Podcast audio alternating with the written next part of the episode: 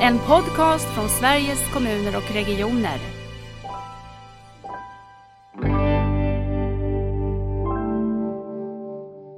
Lite, ja men allt kan inte vara livshotande men även om inte, även om inte jag ska dö inom det närmsta halvåret så, så påverkar det min hälsa. Jag måste kunna få hjälp för de sakerna också. 5-10 procent av sin arbetstid med att komma på vad någon annan kunde göra istället för att göra det själv. Och det, mm, så är det absolut inte alltid, men, men ibland känns det lite så.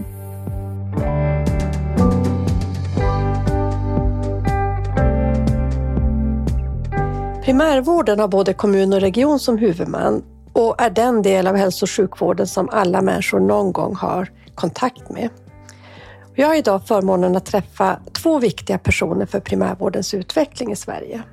Det är Veronica Almstedt som är vice ordförande i Distriktssköterskeföreningen och Magnus Isaksson som är ordförande för Svensk förening för allmänmedicin. Välkomna hit till podden. Tack. Tack så mycket. Jag tänker ni får börja med att berätta lite om er själva. Du kan väl börja Magnus? Ja, men precis som du sa, Magnus Isaksson heter jag och är ordförande för Svensk förening för allmänmedicin sedan 2019 och eh, jag jobbar på Ekerö vårdcentral strax utanför Stockholm och eh, ja, bor i Stockholm med fru och tre barn. Så det är full fart på alla möjliga plan. Mm. Tänker det, det är ett livspussel i, i den där tiden i livet. Vad, vad blir det på vardagarna när det inte är jobb? Ja, då får man pusta eh, i princip. Men, nej, men det är lite Eh, umgås med familjen och träna lite grann. Och jag är fotbollstränare för min dotters fotbollslag också. Så det är lite allt möjligt. Just det. Vi får återkomma för jag höra lite grann om, om ditt yrkesval och så också. Men Veronica, först, vem är du? Ja, jag heter Veronica Almstedt och är distriktssköterska och eh, arbetar i eh, i Göteborgs stad i hemsjukvården till vardags. Eh, där jag också doktorerar på halvfart med svårläkta sår i kommunal hälso och sjukvård. Eh, jag har precis börjat så att eh, jag har liksom inga mm. resultat att presentera utan det kommer vara en lång process. Och på Alltså som människa höll jag på att säga, men annars så är jag gift och har två barn och det blir liknande situation som Magnus med det här ja, lämna, hämta, jobba, vabba. Just det, pusta. Pusta. Ja. Men jag, det precis kommit ett eh, vårdförlopp om svårläkta sår. Har du mm. varit involverad i det arbetet? Eller? Inte i utformningen av vårdförloppet, men eh, vi ska, min ena handledare är eh, involverad i vårdförloppet. Och hon, het, ja, hon heter Ulrika Kjellman och hon, ja, hon är ju väl insatt i sårproblematik och forskat på trycksår och så vidare. Men vårdförloppet ska vi i min projektgrupp bryta ner till eh, någon slags eh, gemensamt arbetssätt så att det blir mer lättillgängligt. För att man kanske inte tar med sig sitt vårdförlopp ut på hembesök till patienten utan vi ska försöka göra ett, ett arbetssätt som gör att det blir lätt att göra rätt och mm. ge rätt rätt behandling och kapa onödiga fördröjningar i, i vården och behandlingen av patienter med svårläkta sår. Det känns ju så viktigt också att de här, som ett sånt typ av vårdförlopp, att hela primärvården, alltså också den kommunala primärvården, är, är väldigt involverad. Ja, och så har det nog inte varit eh, innan egentligen, utan eh, eller inte jag ska inte säga så heller, men jag tror att man eh, att det har varit mer självklart om man arbetat i regionen på något vis. Och det kanske har med tradition att göra. Att, eh... mm. Precis, jag tänker vi är ju en stor förändring där. Mm. Eh, jag tänkte om jag börjar med att fråga dig Veronica, var, var det självklart att bli distriktssköterska? Eh, om du, jag, alltså, jag har liksom bara hamnat på ett bananskal genom hela livet känns det som. Eh, hamn, det, för att göra en lång historia kort så kan man säga att jag har gått från arbetsmarknadspolitisk åtgärd till doktorand. Och, och då var det så att när jag var i under 20 så fick man göra sån kommunal ungdomspraktik på ett äldreboende. Första dagen tyckte jag att det var fruktansvärt, ville aldrig mer gå dit och efter två veckor så ville jag aldrig sluta. Och sen så hade jag ingen vårdutbildning så då fick det bli sjuksköterska. Och sen kände jag att jag, inte, jag kände mig begränsad i rollen som sjuksköterska och ville läsa en specialistutbildning och då blev det distriktssköterska. Och så blev det hemsjukvård. Och sen har jag jobbat länge i hemsjukvården och då behövde jag någon mer utmaning och då blev det att jag engagerade mig i eh, ja, professionsföreningen då, i distriktssköterskeföreningen. Vill du fylla på något Veronica? Eller? Ja, nej men så om man ska återgå till det hur, hur det, ja men då blev jag ju distriktssköterska som sagt och sen så eh, det här intresset för sår, det kom liksom ofrivilligt smygandes på för att eh, när, när jag var ung kanske, Eh, eller yngre, oh, 23, 4 eller vad det nu var när jag var nyfärdig så tyckte jag att det var något som skavde med att alla patienter fick samma behandling för sina sår trots att det var olika sår. Men jag hade ju inget jag hade ju liksom inget argument för varför man skulle göra annorlunda, för jag kunde för lite och då eh, var ju lösningen att lära sig mer. Och sen eh, så ville jag också minska, eh, alltså minska glappet mellan, eh, mellan eh, alltså universitetsvärlden och mm. kliniken. Och då funderade jag jättelänge på hur man skulle få ihop detta och få liksom till ett, ett patientnära forskningsprojekt som ändå var liksom på, kvar på golvet fast ändå en, en, eh, en riktig studie så att säga. Och där är jag nu. det känns som ett otroligt viktigt område tänker jag med, med svårläkta ja, sår. Det är liksom och... är lidande och stora kostnader och alltså vi är inte alltid så bra på det heller. Så... Nej, vi, nej. Och det är inte så sexigt med svårläkta sår heller. Så... Och jag har kommit på att sättet att kringgå det för att ibland, det är inte så roligt att blotta sig att man inte kan. Och, och det spelar ingen roll om man är sjuksköterska eller läkare för att har man ett visst antal år eh, alltså i sitt yrke så, så är det kanske så att man behöver sänka tröskeln, sänka ribban för liksom att vara generös, alltså vara schysst mot varandra och hjälpa varandra och ja, åt alla håll så att säga. Och också, det finns också en del exempel på där man ta bort remisskravet till exempel för kärlkonsultationer som exempel och det, det är ju också ett steg i rätt riktning att, mm. man, att man sänker trösklarna även inom och mellan våra egna hälso och sjukvårdsorganisationer.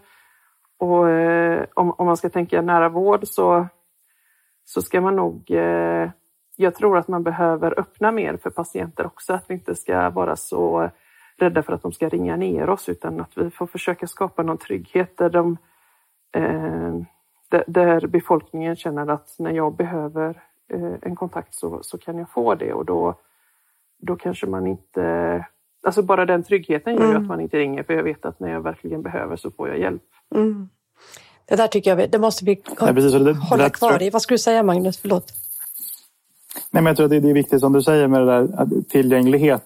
Det är inte bara att man får komma på ett besök inom vårdgarantin Nej. utan där har ju hela vården ett större ansvar att faktiskt hålla patienter uppdaterade och att man kan nå den man behöver på ett enkelt sätt.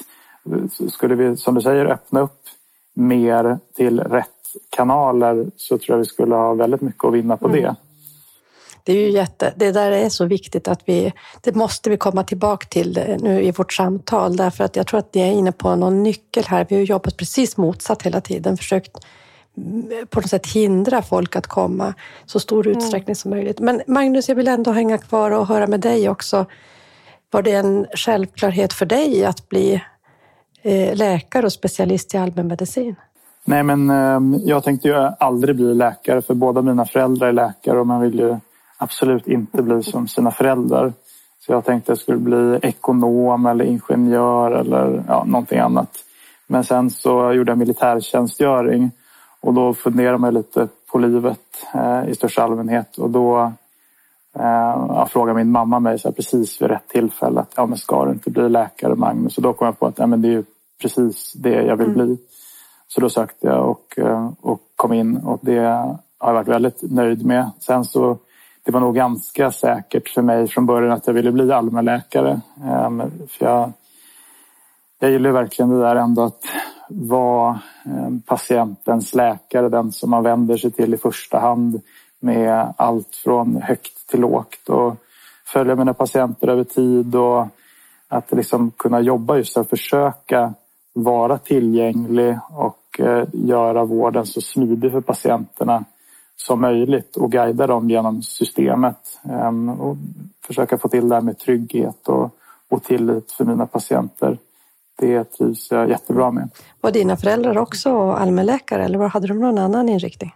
Klassiskt. Pappa är ortoped och mamma allmänläkare. Ja, Varför jag frågar det, därför att Eh, förra året i Almedalen så ordnade ni ett seminarium tillsammans eh, som jag var och var åhörare på som handlade om generalistens roll i svensk hälso och sjukvård eh, och varför den är viktig. Och ni har ju ändå valt den här bredden och generalisten och närheten till människan på det sättet, tolkar jag er. Kan ni inte säga någonting om varför det var viktigt att ordna ett sådant seminarium? Varför behöver vi prata om det? Ja, men jag får säga först, jag tycker att det har blivit inom hela sjukvården egentligen för specialiserat. Vi, vi behöver de här superspecialiserade personerna inom alla möjliga områden. Men för att det systemet ska fungera så behöver vi en väldigt stark bas med generalister som kan ta hand om patienten och konsultera vid behov. Men om vi inte har en väldigt stark bas med generalister då kommer det bli alldeles för många patienter som hamnar mellan stolarna och hoppar mellan olika superspecialister. Och därför tyckte jag det var så viktigt att signalera också att vi är ganska överens om, om mycket av det här mellan allmänläkarkåren och distriktssköterskekåren mm. som jag upplever det. Ja, för vi har, det är ju samma befolkning i grunden. Vi är till för samma befolkning och när vi arbetar i samma geografiska område så är det samma, till och med samma personer som vi, som vi ansvarar för och samarbetar kring. Men det handlar ju också mycket om, alltså som jag ser det så, då, som du var inne på det här med den här högspecialiserade vården, den är ju superviktig och, och bra på alla sätt och vis när man har de här eh, Ja men säg, ta cancervården som exempel. Det är ju, alltså, den måste ju fungera och vara så som den är utformad tänker jag. Men man måste ju också kunna få vård för sin äh, lite Ja men allt kan inte vara livshotande men även om inte, även om inte jag ska dö inom det närmsta halvåret så, så påverkar det min hälsa. Jag måste kunna få hjälp för de sakerna också. Och även det förebyggande arbetet, både liksom, eh, alltså primärprevention innan det uppstår någonting, men också sekundärt att man och, eh, när det redan har uppstått ett problem att man, att man eh, får utrymme att, att arbeta hälsofrämjande och förebyggande för att inte mm. förvärra eller att återställa hälsa. Då. Mm. Eh. Och så tänker jag också att det, det låter ju alltid häftigt om man lyckas efter en eh, PSI på liksom hjärtinfarkter sänka mortaliteten efter 30 dagar från X procent till Y procent så låter ju det väldigt mm. häftigt. Men, men det är ju svårare att beskriva det här. Men egentligen kanske det gör väldigt mycket större nytta att eh, x antal patienter kan ha sin fasta läkare och sin fasta mm. distriktssköterska för folkhälsan men det får inte alltid lika mycket mm. utrymme. Jag tänker på det du, det du sa Magnus om, om svårläkta sår och det är inte så sexigt för det finns ju någonting i det här som du beskriver nu Magnus, vad man på något sätt tycker ger effekter och vad effekter är och jag tänker livskvaliteten med att leva med ett svårläkt sår som, som på många sätt kan vara väldigt hindrande och, och väldigt besvärande. Eh, är ju också sådana saker som spelar roll, våra värderingar på något sätt i vad som är vad som är viktigt och inte och vad som ger vad som är effekt och inte och så. Mm. Och Veronica, du skulle säga någonting? Jo, men det, det är väldigt svårt att mäta vad vi gör eh, för folkhälsan som leder till att, eh, att, att ett sjukdomsförlopp blev fördröjt. Att nu har de här insatserna lett till att så här många inte har insjuknat. En sån statistik går inte riktigt att ta fram. Även om vi eh, som arbetar i de här verksamheterna förstår att, att det vi eh, det här basarbetet, eh, rågbrödsarbetet skulle en dansk kollega till mig ha sagt, men att det har så stor effekt och, och det, det, är väldigt svårt att mäta och visa statistik på något som inte har hänt. Mm, precis. Icke-händelserna som vi vill åt. Och så tror jag just att man, man mm. Jag tror man underskattar den här trygghetsaspekten av det hela. Ja. Trygghetsaspekten och tydligheten. Ehm, att det finns ett vårdsystem och en, någon man vet vem det är som man har förtroende för. Det har enorma effekter på mm. livskvalitet, tror jag. Och jag tror också det har större betydelse för alltså, vi som arbetar i eh, hälso och sjukvården, vi är ju inte bara en pinne i systemet utan när vi känner våra patienter så känner vi deras bakgrund. Vi känner hur det, det yttrar sig när de börjar, eh, om de då har sådana här, eh, alltså flera sjukdomar eller ohälsotillstånd som påverkar dem. Så genom att vi har god kännedom om dem så vet vi ju hur det yttrar sig när de börjar eh, bli försämrade i sina hälsotillstånd och genom att man känner dem då så är det ju lättare att sätta in rätt åtgärder så att de slipper bli jättesjuka och kräva sjukhusvård och då kanske man kan behålla dem i primärvården bara genom att man många gånger då har en personlig kännedom om sina patienter. Mm. Och att göra lagom mycket också. Tänk ja. att man, ibland hoppar vi på och gör för mycket mot patienternas vilja egentligen för att vi är så måna om att göra allt för alla. Men egentligen är det bäst för både patient och eh, liksom systemet att man gör lagom mycket. Och det såg vi till exempel under pandemin att man skjutsade in jättesjuka patienter mm. från Säbo till eh, akuten för att man var så rädd att man skulle göra för lite när det de hade behövt var trygghet och god omvårdnad och, eh, och, och palliativ vård på Säbo just tänker jag. Och det är också en viktig aspekt av det hela att göra lagom mycket och göra väldigt mycket för rätt patienter. Mm.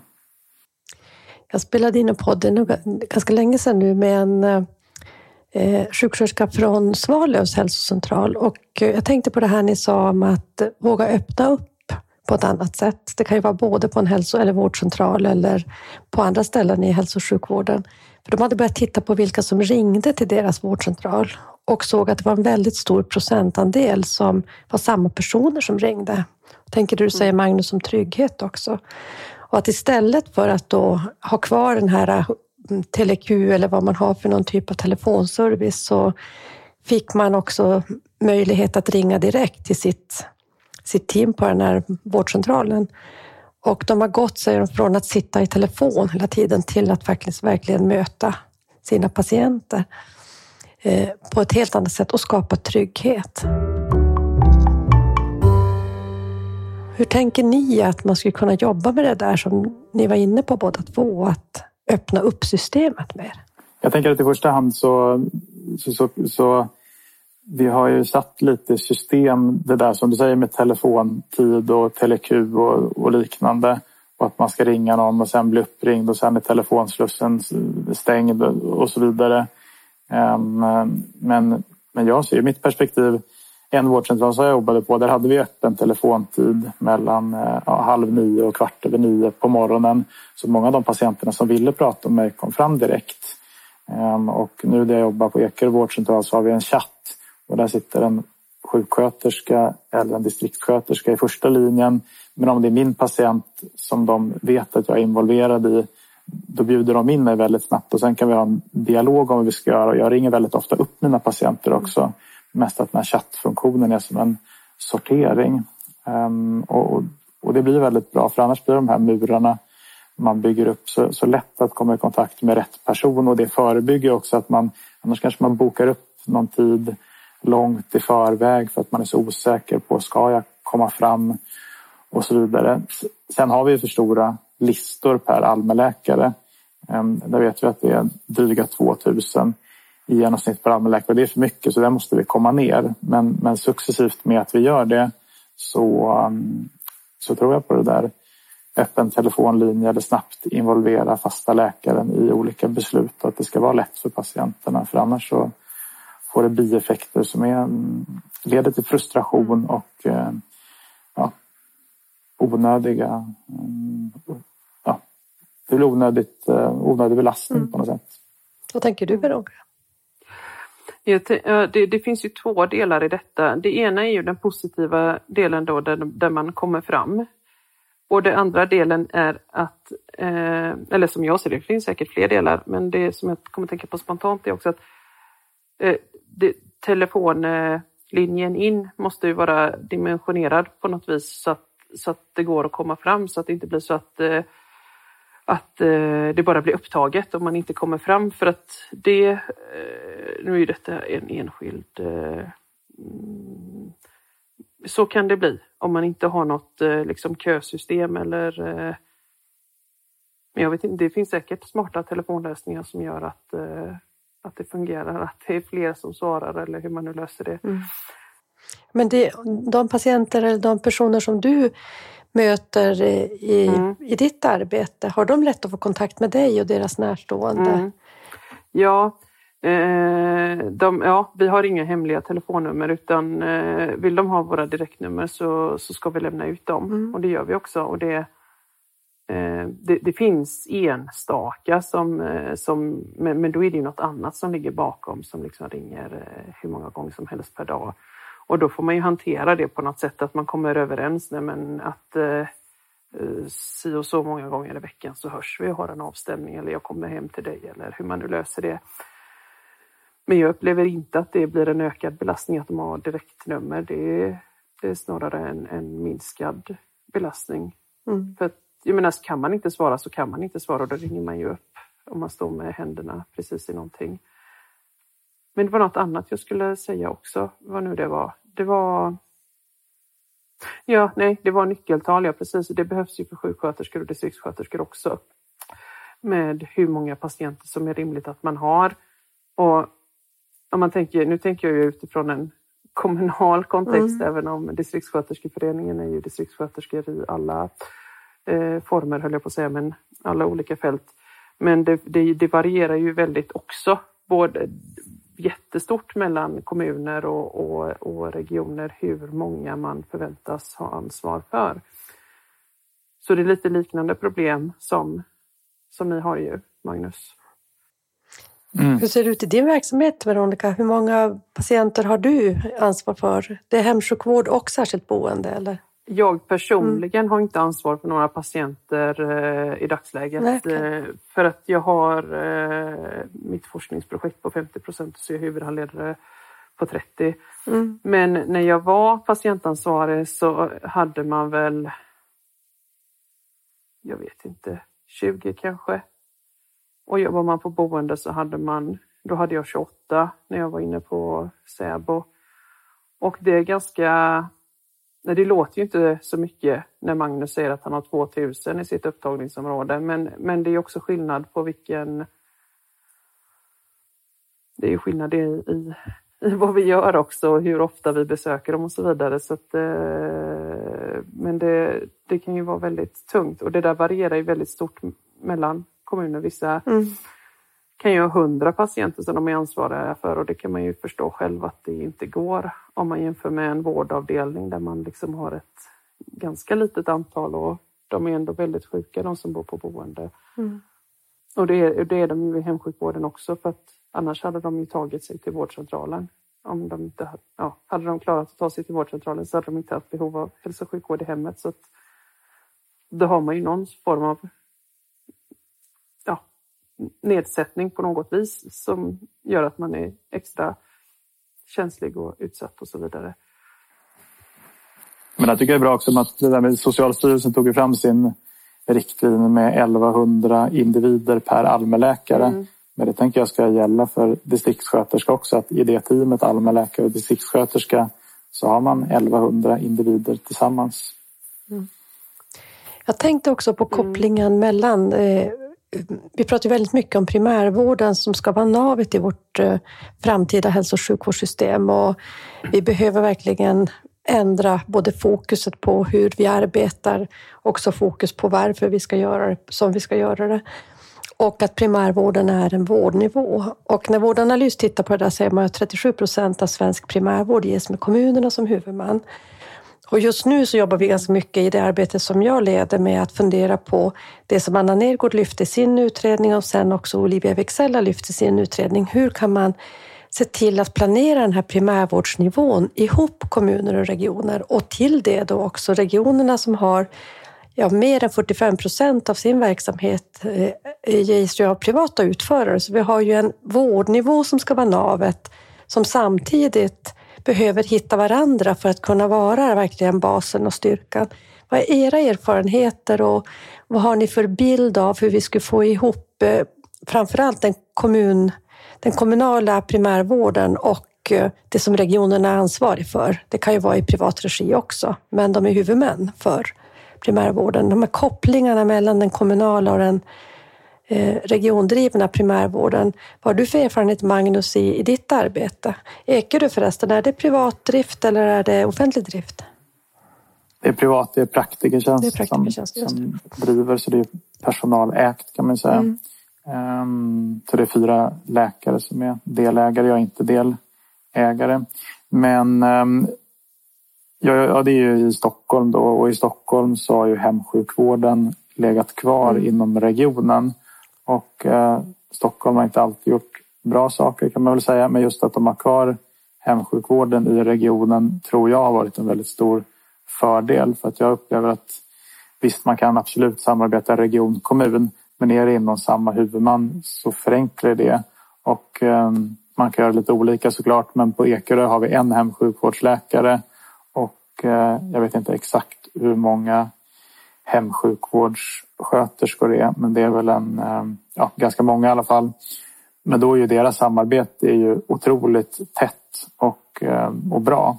Ehm, och det har ju, har ju underlättat ehm, tydligt. Sen ligger särskilda boenden ligger utanför ehm, eller det är inte utanför regionen, men det är ett separat avtal i alla fall. Så där, det är synd att det ligger separat. Det finns inget samarbete alls egentligen mellan vårdcentral och särskilda boenden.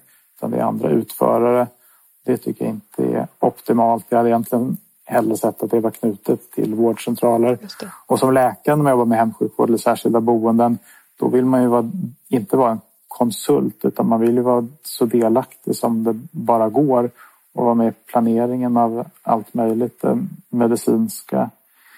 Ehm, och det upplever jag också från kollegor runt om i landet att de ställen där man som läkare är mycket involverad Ehm, så fungerar det mycket bättre. Det finns en fast läkare för patienterna där. Vad är din erfarenhet, Veronica? Det är, menar du hur det är eller hur, det, hur jag vill att det ska vara? Både och. Hur är det och vad vill du? Det varierar väldigt stort. Eh, vissa, det beror ju lite på. Det finns stora vårdcentraler som har de behöver inte vara stora, men det finns, alltså de är olika vana vid att ha många hemsjukvårdspatienter. Där fungerar det överlag bra. Sen finns det eh, andra där det inte fungerar så bra. Och det, det blir ju svårt då, för att patienterna behöver ju en, en, en medicinsk kontakt eh, såklart. Och vi behöver ju ha ett samarbete då om patienten har hemsjukvård eller bor på boende. Men det så som man skulle vilja att det skulle vara är att man utgår från patienten och inte tittar så mycket på vems ans... Alltså de här... Det är klart att det måste finnas gränser med vem som gör vad, men att det kanske skulle vara lite mjukare Eh, för att fungera optimalt att man istället tittar på vem har vi framför oss? Och men här har vi den här personen som behöver ett antal insatser, men hur löser vi det? Och du gör det och jag gör det. Eh, det är väldigt mycket, för att gå tillbaks till det där med, eh, med att det är ganska stängt, så är det ju mm. stängt mot oss själva och varandra också. Inte bara för patienterna. Utan vi stänger gärna dörren mellan huvudmän också och det blir tråkigt. Mm. Inte mellan alla. Det finns eh, gott om goda exempel. Men det är ju där det inte fungerar som det blir problem. Mm. Jag tänker också det har lagts ner ganska mycket arbete tycker jag runt om i Sverige nu för att försöka få ett bättre samarbete där man också på övergripande nivå tar ansvar för hur samverkan mellan kommun och region ska se ut för dessa väldigt sköra mm. personer som har de stora behoven. För det är ju faktiskt de som behöver vården från båda huvudmännen samtidigt. Mm. Och det tror jag är viktigt att man fortsätter att, att se det, precis som du säger, inte i gränsdragning utan i, i, i vad man kan hitta samarbete kring. Och om det då är, om, jag vet inte om det är liksom ersättningssystemet som är problemet. Eh, jag vet inte om det är det. Det skulle kunna vara det att, att det vissa av de här insatserna som är viktiga, till exempel rondtiden, att vi har rond med respektive läkare varje vecka. Det kanske inte genererar några pengar. Och när det då är tajt budget, då, då är det ju eh, ja, eh, då kanske man får se över det att, att eh, det här, för ska vi gynna de sköraste i samhället så kanske det måste vara en prioriterad åtgärd. Att eh, det måste också ge en pinne i systemet att man samverkar med de aktörer som behöver vara involverade i patientens vård för att den ska bli nära. Då. Mm. Men ibland känner jag att när man känner sig riktigt pessimistisk känner man att alla paddlar på i sin egen lilla pöl Eh, och kan inte se vad som blir bäst för helheten och lägger 5-10 procent av sin arbetstid med att komma på vad någon annan kunde göra mm, istället för att göra det själv. Och det, mm, så är det absolut inte alltid men, men ibland känns det lite så. Mm. Mm. jag kan hålla med om det men jag tror också att det beror på att vardagen är så extremt pressad. Så det, mm. man, är så, alltså man är så överhopad av arbete så att det är svårt att lyfta blicken då. Och då blir det ju det här eh, liksom pajkastningen att du gjorde inte det och bollen är din och den är inte min och så vidare. Mm. Att eh, det behövs, lite mer, det behövs lite luft i systemet för att man ska kunna ge och ta. Annars så finns ju inte det utrymmet. Och det behövs nog också, tror jag, en mycket mer systemsyn när vi har ett system som ser ut så här. Vi kommer inte att ändra det på många, många år och vi kan inte heller vänta på att systemet skulle få några stora strukturella förändringar. Vi måste agera nu, mm. för vi har så många andra utmaningar och möjligheter, ska jag också säga. Och då måste, kan man ju inte bara lämna över ansvaret för att få ihop det här till mikrosystemet, till att varje dag möta vem ska betala den här utrustningen eller de här inkontinensmedlen eller vad det nu är för någonting, utan det behöver ju också lösas ut på andra nivåer i systemet. Och det tycker jag ändå att det pågår en bra diskussion om. Sen är det precis som du säger Veronica, på vissa ställen funkar det här och man får till det trots ersättningssystem och trots huvudmannaskapsgränser. På andra är det mycket svårare.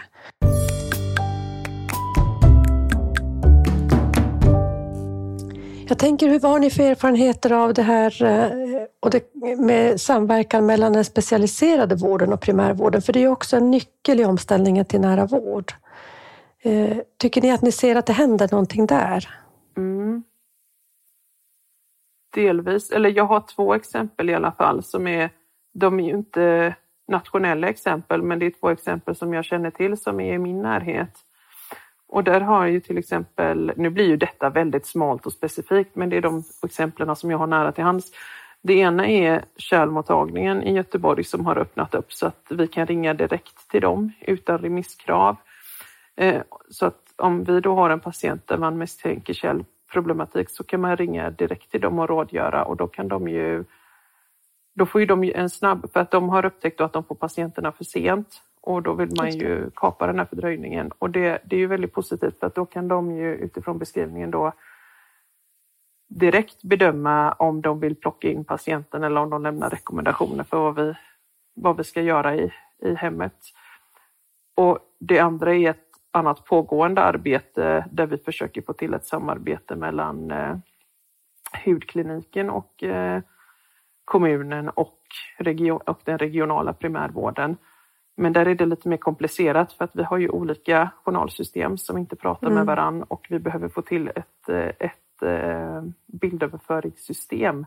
Och det var inte så lätt kan jag säga med juridiken och upphandlingar och avtal. Så att men, men det är ändå en sten som är lyft på så att jag räknar med att vi kommer i mål någon gång men det, det var en segare process än jag trodde. Men det, det, är ändå jättebra exempel. Jag tycker att det där med källmottagningen också är ett väldigt bra exempel. Mm. Att det kanske inte behöver vara så krångligt och nej, ibland är det de... krångligt och då måste vi ta oss till det ja, också. Ja, för de, de är bara, nej men vi skapar liksom remisskravet. De har bara liksom Ja, så då är det varje måndag då kan man ringa vid en specifik tid och det är ju jättepraktiskt. Mm. Verkligen.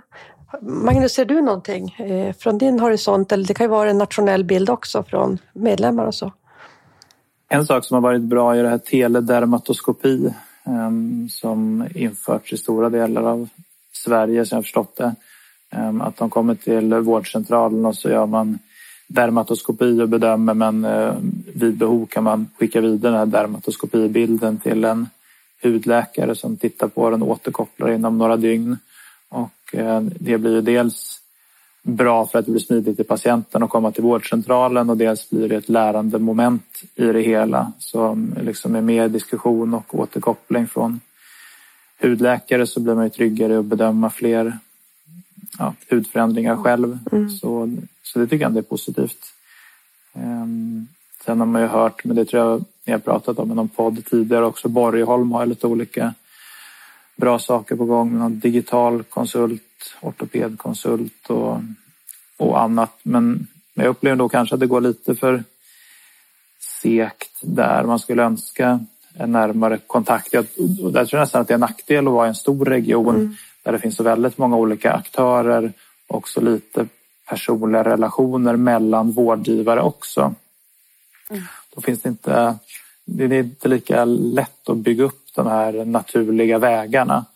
Så jag kan till exempel känna en frustration över att det är väldigt svårt att få tag i rätt person på sjukhusen ibland. Man ringer någon konsult som är lite stressad Ehm, som gör sitt absolut bästa för att, hjälpa till men det blir liksom fel person vid fel tillfälle. Ehm, då är det lättare att skicka en frågeremiss vilket jag i och för sig tycker att de flesta svarar bra på. Mm. mm. Men, ehm, men ett närmare samarbete och att få, kunna få tag på rätt person skulle underlätta.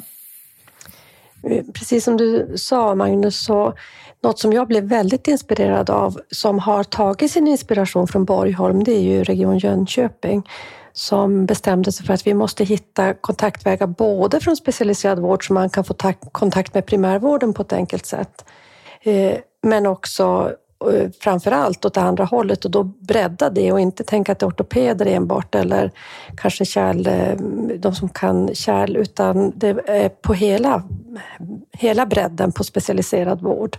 Och de har ju gått i skarpt läge nu med det här, tror jag, från årsskiftet. Så det är verkligen mm. något att titta på. Så jag känner från mitt, min horisont att när man ser sådana här arbetssätt växa fram som är så genuint framtagna och de har gjort ett väldigt fotarbete, ska jag säga, för det är inte bara att fixa saker tekniskt, utan det gäller ju att människor vill jobba på det här sättet också. Känner att när de ringer från Ekerö vårdcentral eller från det särskilda boendet i Göteborgs stad, så då tycker jag att det är min roll att svara och jag tycker att det här är ett viktigt del i jobbet. Det är ju också en typ av arbetskultur och inte bara struktur. Och det har de jobbat mycket med i Jönköping, så det är jättespännande. Titta gärna på det om ni vill sprida era föreningar, hur man skulle kunna säga att det faktiskt går. Mm. Sen är jag osäker. Ja, jag. Ja, förlåt. Jag tycker bra att du sa också, det gäller att vara självkritisk också, så man själv kan göra och eh, det hör jag från mina sjukhuskollegor att de tycker att det är helt omöjligt att få tag i en allmänläkare som är patientansvarig när man behöver det. Mm. Så, så det, det måste ju vi jobba på att ringa upp och att vi liksom försöker involvera varandra. Precis. Sen tror jag inte riktigt att de har kommit så långt i Jönköping. Jag tänkte på den kommunala primärvårdens koppling till, som du berättar om, att man kanske jobbar med ett svårläkt sår och behöver få någon som bedömer eller något annat. Där tror jag inte de har kommit lika långt, men det finns väldigt mycket att lära i, från deras arbete, tycker jag var inspirerande. Mm. Jag tänker Veronica, när du, du sa så här att det kanske är smått det du berättar, men eh, det som finns eh, forskningsmässigt till hur man ställer om stora komplexa system, det är ju att de kommer inte att ske linjärt, de kommer att ske i olika delar. Och så måste vi hitta sätt att lära Eh, från de här delarna. Klara Palmberg-Broryd, hon eh, som är eh, en av de främsta som forskar på komplexitet, hon säger ju att det är nästan som chokladklumpar, att de växer till och så blir, måste vi på något sätt se till att det blir en kaka i slutändan. Och då tänker jag, hur kan ni och hur jobbar ni som föreningar med att stödja de här medlemmarna som nu gör på nya sätt eller hjälpa till och kanske översätta? Jag tänker din ditt kärleksexempel tycker jag är så bra, Veronica, att säga att det här är också helt i linje med omställningen till nära vård. Det är så här vi måste jobba framåt. Kan ni som föreningar eh, hjälpa till eller hur jobbar ni med, med frågan om omställningen till nära vård? Vad är er roll och er agenda och hur gör ni? Ja, det är väl att hitta goda exempel och eh, liksom sprida i, eh, till varandra. Att eh, har någon något smart sätt att arbeta på som underlättar för ja, samtliga inblandade, både patienter och, och, och vi som arbetar i vården, så vill vi gärna sprida de arbetssätten. Mm. Det är svårt att hitta dem dock, för att när folk gör sådana här grejer som, är, som, som jag tycker det här är jättesmart, det här med eh, som vi försöker samverka region, kommun och, och slutenvård.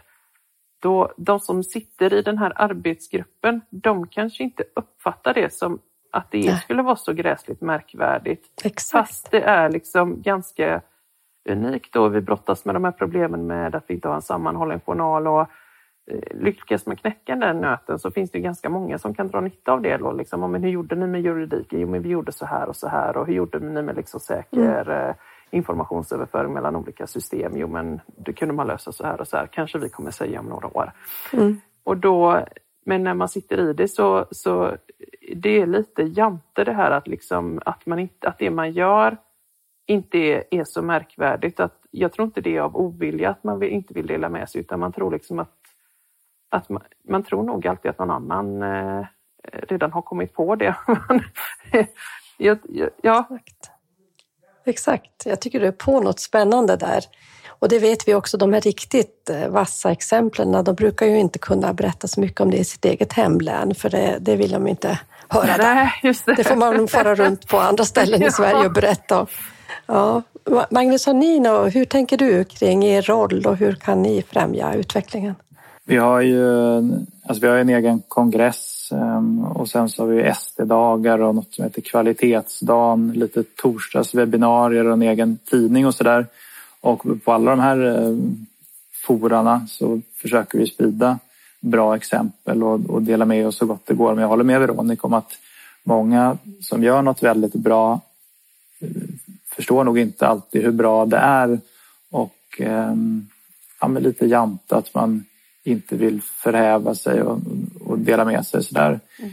Men sen så tycker jag att liksom, det är en ständigt pågående diskussion inom föreningen. Vi har ju massor av råd och nätverk som är lite mer inriktade på, på olika saker och försöka formulera någon sorts gemensam målbild om hur vi vill jobba ehm, med allmänmedicin mm. inom primärvården. Och vi är flera stycken som ja, är med i olika sammanhang, föreläser för ST-läkare eller um, är med i lite poddar eller föreläser i andra mm. sammanhang. Det tycker jag också är viktigt att man, man liksom försöker enas lite inom kåren, för det finns ju såklart massor av professioner inom primärvården. Men vi som allmänläkare måste lite gemensamt bestämma hur en liten gemensam målbild och där är det ju väldigt viktigt att, att ha det här med fastläkare och rimligt antal patienter. Och det, jag förstår att vissa tycker att det är tjatigt när vi pratar om det ibland. Det har jag full förståelse för. Men det är liksom grundbulten för att primärvården ska fungera i mina ögon. Att varje invånare i Sverige, att vi har som mål att om fem år så har de sin fasta läkare som kan ta ansvar för sina patienter tillsammans med en distriktssköterska. Och, och, och där tror jag att vi landat i en något sån gemensam målbild och utifrån den här målbilden då kan man bygga olika bra exempel som man kan dela med sig av. Det är till exempel som Borgholm, att man lyfter ibland fram de här ja, digital ortopedkonsult och det ena och det andra. Men i grunden så handlar det om eh, personligt ansvar för sina patienter och en trygghet och en tillit. Och det, det tror jag är viktigt att vi, att vi sprider och enas om och har som målbild. Mm. Och jag tänker också vägen dit kanske. Också mm. tänkte jag lyssna på, om man är inne på just allmänläkare och hur vi får många unga att vilja bli allmänläkare, för den delen också distriktssköterskor, så tycker man blir inspirerad av Jämtland Härjedalen, för de jobbade ju i regionen där tillsammans med de som eh, var distriktsläkare, allmänläkare och så hur kan vi nu, om vi ska få fler ST-läkare, hur hjälps vi då åt med handledning? Och om vi har några ställen där vi kanske inte riktigt är så välbemannade, kan vi stötta varandra på något sätt? För det finns ju också en resa till, just när det är bemanningsfrågor det handlar om, att kunna få fler som väljer de här inriktningarna i yrket eller välja yrket som sådant. Jag tänker också på i norr har det varit väldigt framgångsrikt med regionaliserad läkarutbildning till exempel som, som gör att man kanske kommer i en tid i livet där man också är beredd att stanna då i Gällivare eller annars är det inte lätt att rekrytera till de orterna. Så att det finns också en plan, en väg dit som jag tror är bra att prata om. Hur, vad kräver det då av oss som professioner eller av oss som chefer eller arbetsgivare, vad man har för roll för att vi ska komma dit? Så att, eh, vad tänker ni då? Ja, precis. När vi har gjort lite undersökningar bland våra liksom, stud, eller vi har ett som heter studierektorsnätverk som alla studierektorer för ST-läkare runt om i landet och det är faktiskt väldigt många som söker till ST-tjänsterna. Mm. Så det är ingen brist egentligen på personer som vill bli allmänläkare. Men däremot upplever vi att de första två, tre åren som specialist så blir det övermäktigt om man, man hoppar av och väljer att göra någonting annat. Så, så det, det är som du säger, det börjar i att man ska ta väldigt bra hand om sina mm. ST-läkare. Det, det, det är liksom högsta prio alltid att ta hand om utbildningsläkare, mm. hur mycket man än har. Mm. Men sen att man liksom tar hand, man kanske glömmer bort att man fyller på, men sen så glömmer man bort att ta hand om de här som blir färdiga och ge dem ett, ett rimligt uppdrag. Ehm, där tror jag vi måste lägga ner mycket mer energi på att ehm, skapa en bra arbetssituation för just eh, dem. Så att de, sen om det har gått fem, sex år och man kommit in i arbetet, man har sin lista, då blir det trots allt enklare och då kan man många gånger göra det arbete som man, ehm, ja, som man brinner för och, och tycker om att göra. Mm ha kanske alternativ på hur vi ska jobba innan vi har så pass mycket läkare i systemet som vi, vi behöver. Vi behöver ta hand om alla. Eh, någonstans ska ju, ska ju all befolkning kunna få sin hälso och sjukvård. Och jag tänker också mm. kopplingen mot den kommunala hälso och sjukvården tror jag vi ska lägga särskild vikt vid. Vi behöver nog tänka också vilka har de största behoven och mm. också göra allra bäst för de som har de största behoven. Vad tänker du Veronica? Jag tänker att det behövs definitivt fler distriktssköterskor. Det behöver vara mer självklart att det ska vara distriktssköterskor som arbetar i den kommunala hälso och sjukvården. Mm. Och där har vi ju ett problem. Dels att vi inte har nyckeltal, dels att distriktssköterska är en skyddad yrkes... Det är en skyddad yrkestitel, det är inte ett problem. Men problemet är att det förs ju ingen statistik. Det registreras inte hos Socialstyrelsen till exempel, så att det går inte att räkna hur många som finns.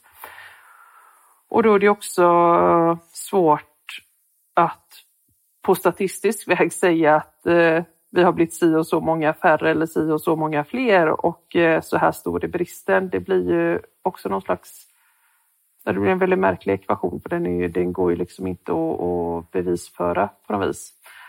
Och sen också att det, vi får ju bekosta vår utbildning själva eh, oftast. Det finns enstaka utbildningsplatser eventuellt.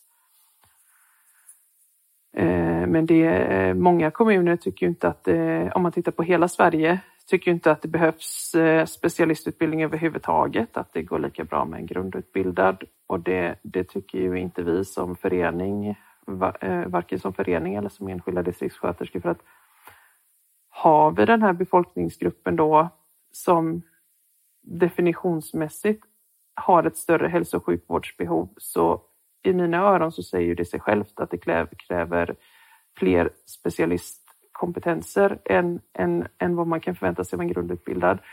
Eh, dessutom är det ett mer självständigt arbete både i den kommunala primärvården och den regionala och då mm. tänker jag att vi behöver ha specialistkompetens. Mm. Och där hade nyckeltal hjälpt oss. Och även om det fanns någon slags, eh, inte vet jag hur det skulle göra, men någon, att, det, att det registrerades någonstans att det finns si och så många distriktssköterskor. Mm. Ja, det tänker jag att, att eh, på något sätt kopplingen till examensbeviset och att man ja. har fått sin skyddade yrkestitel.